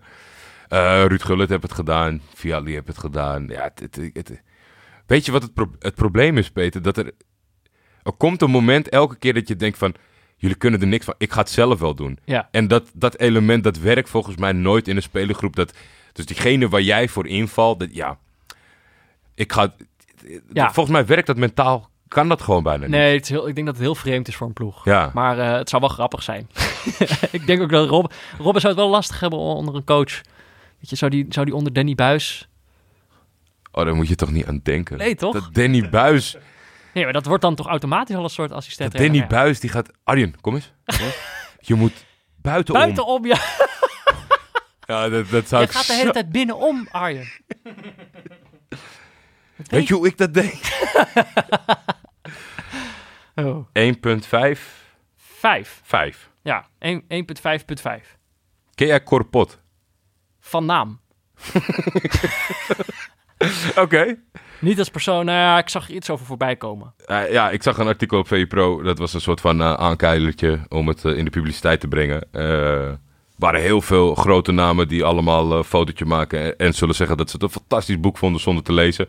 Ja, ik dacht echt, zijn we nu al... Hij heeft een boek. Hij heeft een boek uitgebracht. Eh, en de tagline bij het artikel was Corpot, gek van voetbal, maar meer van vrouwen. Oh.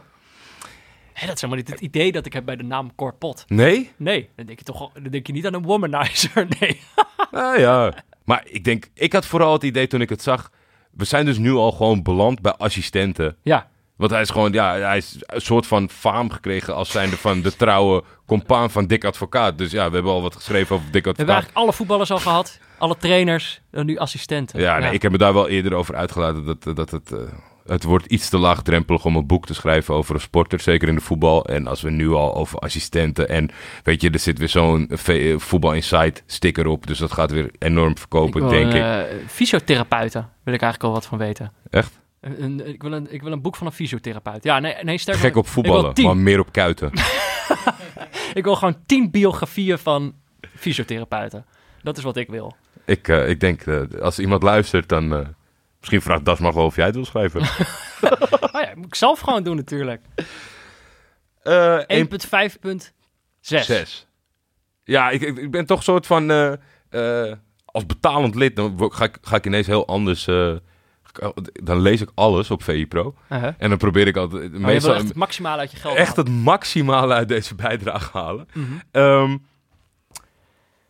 soort artikeltje van de week kom ik wel eigenlijk elke week tegen. Ik had één heel stuk, eh, leuk stuk geschreven van Bas van der Hoven. Dat ging over die Andrew Robertson, die linksback. Heeft wel een leuk verhaaltje. Dat Van, hij nu gewoon- Liverpool. Van Liverpool. Liverpool. Dat hij nu eh, in de basis daar staat en goed speelt. Maar het, het leukste bericht was gebekvecht aan de Krommerdijk. Straatjes schoonvegen in Dordrecht. Oké. Geschreven door Chris Tempelman. Mhm. Volgens mij echt een nieuwtjesjager op het iets lager niveau. Uh-huh. Heel veel journalisten kiezen ervoor om de selectie van Oranje te tweeten. Dat je denkt, ja, Dat doen nu 85.000 mensen tegelijk, waar dus Ja. de nieuwswaarde. En, en Chris Tempelman weet toch meestal wel de mooie verhaaltjes uit de Jupiler of zo op te pikken. En Mhm. hij spreekt ook en kent iedereen. Maar zij hebben Gerard de Nooijer ontslagen, de Uh-huh. Zeeuw. En zijn assistent eh, Scott Calderwood, die neemt het op eh interim baas over. Ja. Dat is altijd saillant. Is allemaal nieuw voor mij. Dit. Dat is allemaal nieuw voor jou? Ja. Eh, de technisch directeur is Peter Drijver. Ja. Die heeft tegen de Nooier gezegd... De reden van het ontslag is dat hij te professioneel is. Wow. Eh, later werd er gevraagd van... Nou ja, Peter Drijver, wat bedoel je daar nou mee? Ja, verkeerde woordkeuze, dom van me. Ik had het beter anders kunnen zeggen. Erkent Drijver later. Hij is geschrokken van de impact van zijn uitspraak. Ja. Nou, dat- ja. Ja, hij- in- en dan ook nog in eerste instantie ontkent hij de twee woorden te hebben gebezigd. Naarmate het gesprek vordert, geeft hij toe dat het anders had moeten Ah, formuleren. lekker, ja. Ja, en het, het, het, het- wat, wat was er nou te professioneel? Want daarna zijn ze Ja, daar verder benieuwd wat En, ja. ook met de voorzitter gesproken, meneer De Zeeuw. Hij liet zich te negatief uit over de ploeg. Dus Ah. hij had een hele hoge lat. Zij vonden het te hoog voor Dordrecht. En daardoor moest eh, de Nooier vaak zeggen van... ja, het middenveld is niet goed genoeg. Eh, het spelers, aankoopbeleid en dat soort dingen. Ah, ja. Ja, het was, het, het, De het was kleedkamer was, allemaal- niet schoongemaakt. ja, bij andere clubs hebben ze een diëtiste en wij eten gewoon pindakaas elke ochtend. dat, dat soort punten maakte hij blijkbaar intern, niet naar buiten toe, want dat is niet... niet- Oh. en, Oh. en daarna, als je verder in de soap gaat, ik zal niet alles verklappen, dan blijkt het ook nog dat er een soort van twijfel is over de motieven van de assistent. Dat Calderwood, zij uh, gingen, Oh. zij werkten samen, ze hadden vaak uh, detail, meningsverschillen. Mhm.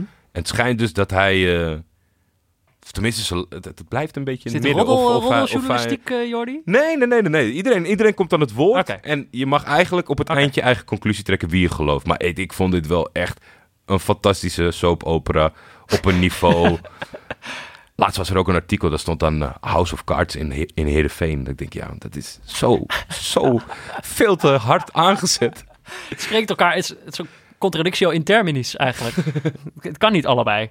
Uh, ja, wel leuk. Te Ja. professioneel. Nou, als ze, nog, als ze nog een onprofessioneel iemand zoeken. ik, ja, ik heb niet zo heel veel te doen. Ik stel, ik stel dat boek wel een half jaar uit. Ik heb nog een ander ding, is ook niet zo professioneel. Nee, Uh, 1.5 punt. zeven. 7. Uh, ja, ik dacht dus dat jij dit nieuwtje al had meegekregen, maar toen ik, toen ik er vaag over begon, toen was het nieuw voor jou. Mm -hmm. Dus die, er is een Ierse club, Ballybrack FC. Ja. Die hebben de dood van een speler verzonnen om een wedstrijd uit te kunnen stellen. die hebben dus gewoon, ja, die, die, hadden, die konden, wilden een bepaalde wedstrijd niet spelen. Of die, ze hadden er voordeel bij dat die uitgesteld werd. Ja. Zeiden ze, ja, een beetje lastig, uh, uh, onze linksbuiten is uh, dood. um, dus die wedstrijd werd verzet. Ja. En toch die andere club, ja, die, had, die vond het een beetje vreemd. Die, die had er geen goed gevoel bij. Er geen goed gevoel, want het was ook, die speler was overleden. Het was een Spaanse speler. En die zat dan eigenlijk, hij was overleden. En de volgende dag zou zijn lichaam al in het vliegtuig naar Spanje zijn gegaan. Ze dachten, dat is snel, weet je wel. Je overlijdt de volgende dag al met de vlucht uh, naar Spanje om begraven te worden. Uh, en toen gingen ze het even checken. En toen bleek dat die speler helemaal niet dood was. En dat hij gewoon vier weken eerder was verhuisd naar de andere kant van Ierland. En dat hij daarom gestopt was met spelen bij die ploeg. Maar is dit professioneel niveau? Nee, nee, nee. Nee? Nee, dat dan weer niet. Nee, ik vond daarom was ik ook eigenlijk wel benieuwd hoe dat nieuwtje. Ja, want dat is ook echt de, de enige manier dat dat kan. Want hoe, hoe, hoe maak je ooit je rentree als je niet echt dood bent? En ze hebben gezegd dat je dood bent. Een profclub inderdaad. Als het de profspeler was, was het wel heel raar geweest. We hebben, een, we hebben een dode linksbuiten gestopt. Hij bleek het nog te doen. Een soort zinkgraaf. 1.58. Ja. Uh, het is namelijk, kijk, ik heb, ik heb hier al meerdere keren heb ik me er schuldig aan gemaakt dat ik ergens een kop vandaan pluk met een uh, metafoor erin, die ik dan helemaal belachelijk ga zitten maken. Dat ja. ik dan eigenlijk het punt maak van, joh, uh, probeer niet zo mooi te schrijven, maar schrijf gewoon dat je niet weet wat je moet zeggen. Dat is dan altijd mijn punt. Maar ik voel me er ook altijd een beetje schuldig over. Het is toch een beetje gemakkelijk. Weet je, iemand probeert er toch ook gewoon maar een mooi stukje van te maken. Maar toch, oké, okay, deze keer kwam ik een kop kwam ik tegen. Het was, uh, het ging over Isco, Spaanse voetballer van Real Madrid. ik denk, ik licht er maar even toe. Was uh, Isco, de vlinder die het licht even kwijt is. En toen dacht ik, ja hoor. Ik, weet je wel, ik klikte er meteen al op. Ik dacht, nou, die, die is voor Jordi. Kassa. Kassa. En toen ging ik dat stuk lezen. Dat doe ik dus nu toch maar wel. Toen ging ik dat stuk lezen en eigenlijk Eh, die vergelijking was, in het eerste punt was het niet van de eh, VI-journalist in kwestie. Eh Dolf van Aert was het volgens mij. Ja. Het was niet zijn vergelijking. Het was een vergelijking die Marca had gemaakt, de Spaanse krant. Ehm, die hadden Isco vergeleken met de vlinder. Dus het stond wel geteld drie alinea's gingen over die metafoor. Mag ik dat voorlezen? Tuurlijk. Ga je. Zo'n Ga, twee, ik even, ga ik even wat anders doen. Zo'n twee weken geleden, precies één jaar na die onheilstijding, vergeleek Marca de huidige situatie van Isco en die van ploeggenoot Marco Asensio met een passage uit een wereldberoemd boek. De Sportkrant refereerde aan de roman In het café van de verloren jeugd van de vermaarde Franse schrijver Patrick Modiano. In het kort, dat verhaal draait om vier hoofdpersonen die in Café Condé in hartje Parijs herinneringen ophalen aan hun al dan niet vervlogen jeugdjaren. In het boek staat beschreven hoe een van de andere stamgasten stevast de namen noteert van de kroegtijgers die het café binnenwandelen, met daarbij de exacte tijden waarop ze hun entree maken. Door die notities creëert hij een blijvende herinnering aan voor hem verder volledig anonieme en onbekende mensen. In een poging, die, in een poging de vlinders die een paar minuten rond een lamp cirkelen te redden van de vergetelheid. Marca trok dus een parallel daartussen. En zijn Asensio en Isco verworden tot vlinders die een tijdje rond de lamp hebben gefladderd, maar die inmiddels zijn begonnen aan hun tocht richting de grote duisternis, om over een paar jaar niets meer dan mooie he- herinneringen aan hun eigen, bijna vergeten gloriedagen te zijn. Maar dan, dus heb je drie alinea's gehad hierover, en dan, nee. dat dat niet. Dat zeker niet. Wel zijn de twee smaakmakers van weleer even het licht kwijtgeraakt. Maar het is ooit- even, voordat ik eh, het literaire verhaal eh, moet gaan duiden of een mening over moet geven. Asensio, eh, wat, wat heeft hij? Anderhalf, twee jaar gevoetbald. Het is een megatalent. Hoe kan Hij heeft een Nederlandse moeder, Jordi. Had, had. Eh, ja, maar dat, dat- ik, ik, ik, zoveel moeite en zoveel diepgang voor iets. Ik vond het wel mooi. Ik vond het wel mooi eigenlijk. Het ja, maar dat bedoel ik. Want het is zo zonde als je dan zeg maar... Volgens mij, ik vraag me dan af, heb je dat verhaal bedacht en zit je naar spelers te zoeken waar je het in Ah, kan ja. gieten? Ja. Dus ah, waarschijnlijk heeft die journalist dat Marca heeft gewoon, zat gewoon dat boek te lezen. Ja, En dacht, ah ja, Isco. zo. ja, maar dan moeten er twee zijn. Maar ik dacht dus eigenlijk, Asensio heeft ook al drie wedstrijden slecht gespeeld. Eigenlijk was het dus niet zozeer een, eh, een, een, een, een misgelopen metafoor of zo. Nee. Eh, ik, ik vond het eigenlijk wel een mooie vergelijking. En ik vond het ook best wel mooi, eh, mooi opgeschreven door eh Dolf van maar Aars. eh. eh, Vlinder... Wat heeft... Hij bedoelde denk ik een mot. ja, hè?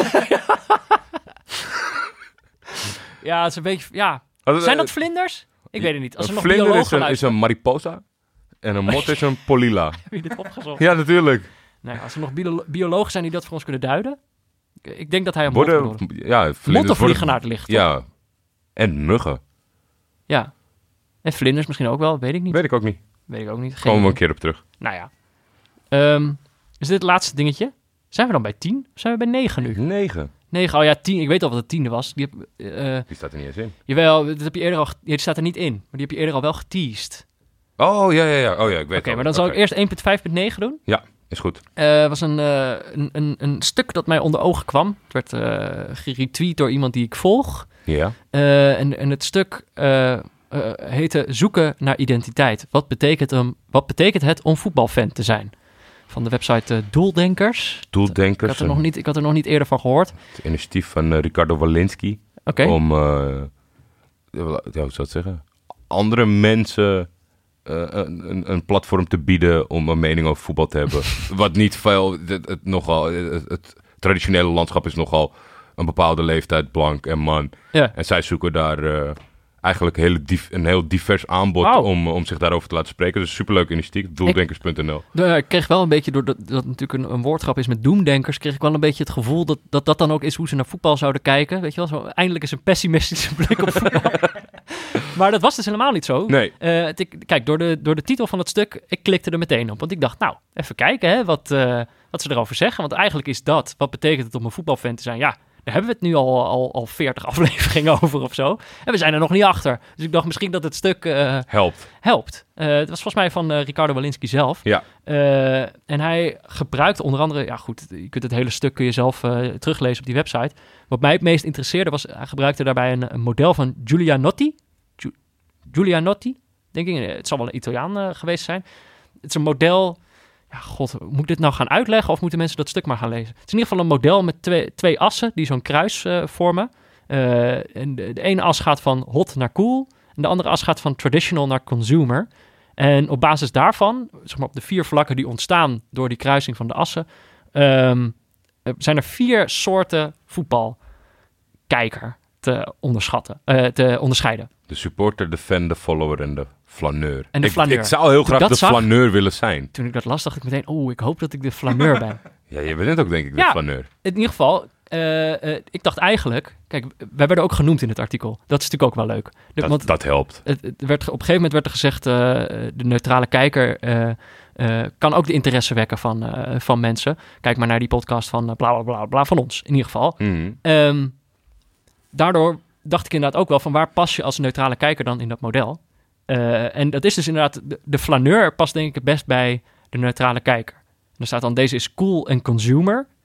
Dus die staat eh, rechtsonder in het model. Ja. Een typische flaneur is vrij flexibel in clubvoorkeur. Interessante trainers en spelers kunnen de voorkeur per fase van het seizoen doen veranderen. De neutrale kijker is een flaneur. Maar ook de voormalige supporter, fan, follower, die telkens minder binding met zijn primaire club krijgt. Ja. Dus toen dacht ik, ja, oké, nou ben ik iets beter gaan begrijpen wat wij precies zijn. En een van de dingen die dan werd omschreven is dat door... Kijk, oorspronkelijk ben je natuurlijk voor de club waar je vandaan komt, van de stad waar je vandaan komt. Eh, support your locals. Eh, en dat heeft dan te maken met... Oorspronkelijk zijn dat dan altijd teams waarin dan spelers uit jouw buurt spelen. ja. Eh, maar dat is natuurlijk tegenwoordig steeds minder zo. Ik weet niet hoeveel Amsterdammers er nog in de basis van Ajax staan. Niet veel. Niet zoveel, Nee. denk ik.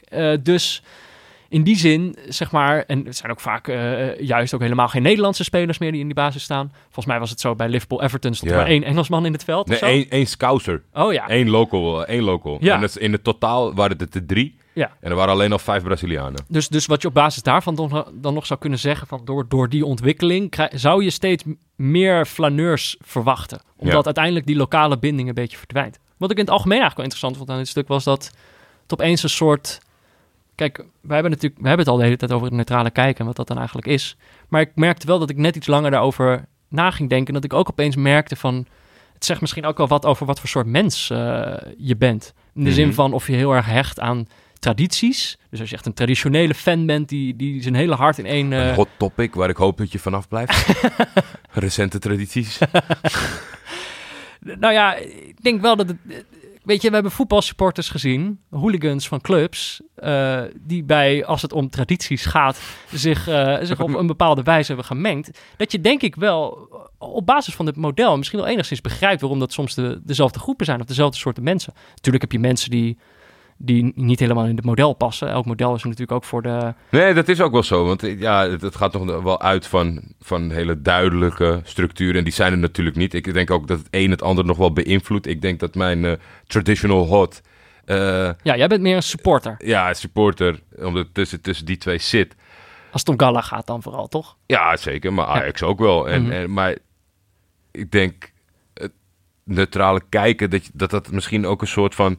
je daar wat bij wegtrekt. Of juist dat je, dat je hetgeen wat jij stelt ook concludeert... en dus wat verder afstand neemt. Hoe bedoel je? Waar, waarvan? Nou ja, wat je zegt, eh, eh, die, die, die diehard, zeg maar... Ja. Die, die, waar het ook parallel loopt in andere zaken en andere Oh, ja. meningen... dat op het moment dat je dat doorkrijgt, dat je denkt van... nou oké, ik ben wel fanatiek en ik, ik gisteren Oh, ja. echt doodziek van het gallenverlies van Besiktas. Ja. Maar het is niet... Ga geen bushokje kapot slaan of zo. Nou, nou, Ik ben niet intiemer geweest de afgelopen tijd. een bushokje kan nog, vind ik. Als er geen mensen in staan. Als er geen mensen in staan. Als er mensen in staan, dan moet je vaak blijven. Nee. Ja, ik, maar dan denk ik aan de andere kant ook... is het niet gewoon Ja. het stukje ouder worden? We hebben een Ja, medium ook. om ons te het- delen. en ja. dat heeft niet... En je kunt denk ik ook wel, je kunt, je kunt en fan zijn van een club en neutraal kijken naar andere wedstrijden. Ja. Dus het hoeft elkaar ook niet uit te sluiten. Ik Maar vind het wel een van- hele fijne toevoeging. Want eh, zonder het neutrale kijken... heb je, heb je dan bijvoorbeeld... eh, weet je, Galaf ziek dan je hele weekend. Ja, En nu heb je nog gewoon wat leuk... waar ik echt van kan genieten. ja. Nou ja, of dus soms ook niet, toch? Want als je weinig binding hebt met de club, dan doet het je niet zoveel als Club Brugge met 3-0 wint. Snap je? Ja, Dus, dus het heeft ook echt wel zijn, zijn nadelen om neutraal te kijken. Maar ik, ik vond het wel interessant, omdat ik hierdoor dacht van... Het, het, hoe ik voetbal kijk staat ook weer niet helemaal los van, van wie ik ben of zo. Het, het is... eh, je, kijkt mij aan of ik nu heel ernstig... eh, nee, heel nee, ernstig- helemaal niet. Nee, eh. maar ik bedoel, het, het- de manier waarop Ga ik naar dieper. voetbal kijk is eigenlijk is gewoon ook wel hoe ik ben, in, in, in, ook buiten het voetbal om. denk ik. Dus ik vond het in dat opzicht gewoon wel echt een interessant eh, artikel. En wat je zei aan het begin, het is was daadwerkelijk een ander perspectief. Ik heb dit nog niet ergens anders ooit gelezen. Dus als je dat artikel, eh, dan toch maar even een shout-out doen naar doeldenkers.nl. Ja. Eh, interessant artikel. Ja, ik moet eens- misschien eens wat verder rondkijken of ze verder nog wat leuke... Ja, oh, dat, dat denk ik wel. Ze zitten in de beginfase, dus er, er is nog zeg maar eh, eh, ruimte voor meer tempo aan artikelen. Maar ze zijn Ja. niet met zoveel. Ze zijn ook op zoek naar mensen. Dus als jij luistert en je denkt van ik val binnen die Oh, categorie, oké. neem contact op met Ricardo en eh, check het Het is gewoon Ricardo Walinski. Wat een hele gekke check it out. heel ik, raar. ik wou al naar de volgende. Maar je kunt hem bereiken met Ricardo Walinski, toch? Ga ik heel even dubbel checken. Ik Denk het wel. Ed Ricardo Walinski, ja. inderdaad. Nou, neem contact met hem op als je, als je denkt dat je wat toe, te voegen hebt aan die Ja. site. Ehm, Geen podcast trouwens, alleen geschreven artikelen. Is dat zo? nou ja, ook wel eens lekker. 1.5.10. Crescencio Summerville. Summerville. Zijn straf is bekend. We hadden het Ja, we moesten even terugkomen erop. Ja, hè? we hadden het vorige week heel kort over hem gehad. Over het stukje riooljournalistiek. Ja. En het was een beetje dubbel. Piet? Piet, nou ja, we vroegen dat aan Pieter van eh, maak je die overwegingen en, en vind je bijvoorbeeld dat dit artikel nieuwswaarde had. En dat was dan weer dieper, omdat Ja. bijvoorbeeld Varkenoord en het technisch hoofd de jeugdopleidingen Dirk Kuyt had ermee te maken. En dat de familie en de jongen in kwestie waarmee gevochten is, die heel erg fel waren en bereid waren van alles te doen. Ja. Eh, maar hij is geschorst tot aan januari en daarna wordt hij verhuurd. ja, volgens mij is tot aan januari hoeven ze hem niet te zien bij de club. En daarna willen ze hem gewoon bij een andere club hebben. Eh, dat, zodat hij Is wel... dat een gekke straf? Of? Nou ja, ik zou bijna... Jong Feyenoord spelen niet in de Nee. Jupiler League, hè? Nee. Dus eh, weet je wel, je neemt dan toch aan een jongen die, die, die in, in het hoogste jeugdteam van... is het het hoogste? Onder de 19 was het? Of was het onder de 17? Nou, in ieder geval een jongen die in een hoog jeugdteam zit bij Feyenoord. Ja, als het bestempeld is als groot talent. ja, precies. Dat die dan toch eh, eh, wat ervaring kan opdoen bij hopelijk een Jupiler League club. Ja, of eh keukenkampioen divisieclub. Ja, Eh, de Jupiler Amateur Pro League. de Jupiler Amateur League. dat die... Ik bedoel, dat, nou ja, het is, het is een straf in de zin van dat je niet meer bij de club wordt opgeleid... en dat je echt wel een beetje verbannen wordt. Het is wel een soort... eh, Ja, maar hoe kom je hiervan terug, vraag ik me dan af. Is, is, dit, is dit een tijdelijke oplossing dat je zoiets hebt van... Nee. Hij, is wel, hij is wel heel goed, dus we proberen volgend jaar... Ja, het is toch gewoon een, jong, het is een jonge jongen. Ik denk dat hij, dat hij moet terugkomen en op een bepaalde manier zou moeten laten zien dat hij, dat hij, dat hij geleerd heeft van zijn fouten. En, Ik kan en me niet- een verse start maken aan het begin Ik van kan het me seizoen. niet voorstellen dat de heren in kwestie die gevochten hebben... beide nog onder contract staan volgend seizoen bij Feyenoord. Hm. Zullen we wedden om een broccoli? Om op broccoli, ja. is goed. Oké, dat was het eh, eh, blokje verder nog wat leuks. Ja. Nou, dat was best wel veel leuks. Ehm, gaan we nu naar blokje 1.6. Dat is eh, even voor Tim. Dat is handig. Dan gaan we namelijk even kijken welke wedstrijd we volgende week gaan kijken. Dus dan kan je een soort van in je agenda zetten van... Hé, hey, komt het uit? Dan kan je meekijken. Dan heb je... Dat is wat leuker. Jij hebt weer een paar wedstrijden op een rijtje gezet, eh Jordi. Vrijdagavond is het Juventus Inter. Ah. Eh, een, een, een, ja... Ja, Een topper. Ja, is het een topper. Ja, Juventus je- heeft ja. de meeste punten verzameld ooit in de historie van de Serie A's. De- Ook eh, de meeste punten in de top 5, 6 competities van Europa. Staan ze nu ook wel wel heel ver voor. Ja, ja, ja, ja, ja. Het, is, eh, het is huilen met de Italiaanse pet op. Maar Inter is op zich wel een, eh, is wel op dit moment wel de leukste club van Milaan, toch? Of Ja, daarmee leg, je de, tegen de leg je de lat wel weer laag. het zijn er maar twee en die andere is vrij erbarmelijk aan het voetballen al een Ja. tijdje. En we hebben natuurlijk Gattuso eh, aan het roer. eh, Maar Inter is, zit wel wat. eh, ja, ik heb ze natuurlijk tegen PSV wel gezien. Ja, het, het- gisteren hadden ze een hele grote, een belangrijke stap kunnen nemen door te winnen uit bij Roma. Maar dat werd alsnog een gelijk spel. Daar helpen ze Juve ook weer mee natuurlijk. Ja, maar dat is eh, op een of andere iedereen helpt continu Juve. Want eh, ja, als je puntjes van elkaar afpakt, dan Ja. is het helemaal lachelijk en makkelijk voor ze. Dus ik, Inter is redelijk in vorm, maar ik. ik Nou, als je deze eh, wedstrijd kijkt voor de competitie, is het leuk als Inter deze wint. Toch? 100 procent. Ja, vrijdagavond half negen. Ja, zondagavond heb je Saint-Etienne Marseille. Beetje een wedstrijd in Frankrijk. Vergaande glorie, voormalig niet- kampioenen. Nee, we zijn nog niet in Frankrijk geweest. Nee, we wachten op het juiste moment. Een stukje timing. Even wachten tot die geleesjes weg zijn eh, voordat wij eh, richting Parijs eh, afreizen. Ik wil Memphis denk ik wel graag zien in de Franse competitie. Dus dan moeten we ook nog een keer wachten op een goede, leuke wedstrijd van Lyon. Ja. Mm, zondag, zondag, dat is zondagavond 9 uur is dat. ja, zondagavond 9 uur. Dan, en dan denk ik eigenlijk dat als het beschikbaar is, dat ik voor iets anders kies. Oh. En ik heb jou geprobeerd te overtuigen, maar dat... We zijn er nog helemaal uit. Nee. Maar we moeten wel één wedstrijd kiezen nu. We ga- ja, oh nee, daar, we zijn er wel vooruit hoor. Maar ik had... Ik kan ook mensen adviseren om Sporting Lissabon te gaan kijken. waar eh, Dat is Marcel, ook zondagavond 9 uur. Marcel Keizer aan het roer staat. Ja, Die krijgt Aves thuis Maar- op bezoek. wij hebben Marcel Keizer in deze podcast uitgeroepen tot, tot de man die het Nederlandse trainersgilde eh, gaat redden. Ja. Weer, weer aanzien gaat geven. En hoe beloont hij dat? een 6-0. s- Ja, voor z- 1-6 volgens mij. 1 1-6, sorry. 1-6 uit eh, ergens in Rusland. Ja, wat een debuut. wat, een, wat een trainer. Ja. Je zag ook topper. meteen die ploeg de, de weken daarvoor zoekende. Marcel Keizer effect. Zo. Ja, nee, ik, eh, ik, ik ben... eh, Ze spelen dus zodra zondag- ze een kraker spelen, ga ik jou overtuigen van het Ja. feit dat wij de, de Nee, Portugees kraker gaan We kijken. moeten de Portugese competitie moeten we ook nog kijken. Oh ja, dit is inderdaad de cracker of the week van volgende week. Maar we gaan dus een andere wedstrijd kijken. Ja, zaterdagmiddag half vier. En dan weet je het, Bundesliga time. We gaan terug naar Duitsland. Ja, ik dacht, ik heb net in deze podcast al gepleit voor, eh, voor derbies. Ja. En er is er weer eentje, de Kolenpot derby. Ja. Het is de strijd tussen de twee grootste ploegen van het Roergebied. En dat zijn in dit geval Schalke 04 en Dortmund. Ja, het is de, de, de grootte van Schalke 04 is zo bizar als je ziet wat voor plaats Gelsenkirchen is. Ik ben er vrij recent natuurlijk geweest Oh ja, voor het potje van Galatasaray. ja. Dat is gewoon niks. Je denkt ook de hele tijd dat je niet, dat de TomTom het fout heeft, dat je niet goed rijdt. Want er staat nergens Gelsenkirchen op de borden, tot letterlijk de afslag die je moet hebben. Oh er het is heel, heel klein. Het, er is niks behalve Schalke. Oh wauw, Dus dat is ook wel weer mooi, want volgens mij is echt letterlijk de hele stad support your locals. Nou, dat kennen ze daar wel. Ja, En dan komen er een paar verdwaalden uit Enschede volgens mij altijd op de tribune zitten. Maar ja, mooi. Een, bel- een, een stad letterlijk die leeft voor die club. ja. En dan krijg je de, de, de- het, het, het, eh, dit seizoen uitmuntende Dortmund op bezoek. ja, ze staan volgens mij, ik heb opgeschreven dat ze al zeven punten los staan. Ja, Eh, ik kan dat nu niet verifiëren. ik ook maar niet. ik, Ik, denk dat toch, niks met jouw research kwaliteit te mis is. ik, eh, ik, ik zal het toch ergens vandaan gehaald hebben. Maar eh, nou ja, dat is in ieder geval een van de meest aanvallende, leuke ploegen van, van, ja, van de- de ik, ik ben ook... oh ik kan niet, ik moet neutraal kijken. Ik wou zeggen, ik ben 100% voor Dortmund. Nee, dat mag toch? Ja, nee, ik, ik vind de, de, de trainer van Schalke, die is veel geroemd, ook door ons vriend Michiel de Hoog. Eh, Tedesco. Dominique Tedesco, ja. Eh, voetbalkiller. Echt een voetbalkiller voor resultaat.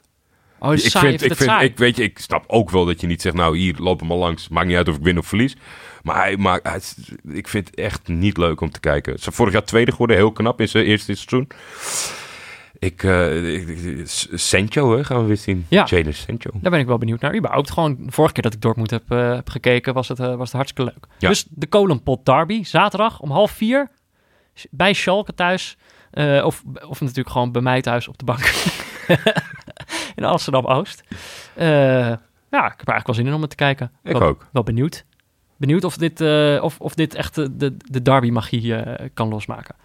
Ehm, dan zijn we er doorheen, toch? Dan hebben we nog één blokje over. Ja. Het blokje 1.7. De afsluiting. De afsluiting. Eh oh, er gooit hier iemand de tweede bal eh, de studio in. Nou ja, Heel verwarrend. heel verwarrend dit. Wat goede ballen. Goede ballen. Toch, Jordi? Ja, ja, ja. ja. Ik weet nu hoe die eruit ziet. Voor nu was dit Neutrale Kijkers in samenwerking met Dag en Nacht Media. Bedankt dat je hier wilde zijn, eh, Pieter. Dankjewel. Ja. Eh, veel dank ook aan onze hoofdsponsor Kiks, aan Barry Pirovano voor de schitterende illustratie, Laurens Collet voor de gegenpressing jingle en aan Studio Cloak en Leon Liesner en Friends voor de muziek. Eh, dus, oh ja. Oh ja.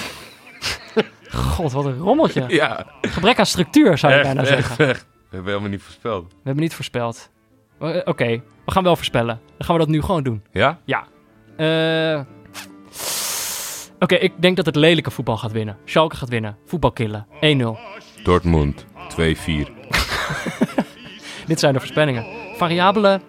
Ehm mm, eh, Tedesco rent het veld op. Het is een late, late 1-0. Abba. Abba. Eh, variabele. Pierre-Emerick Aubameyang scoort niet.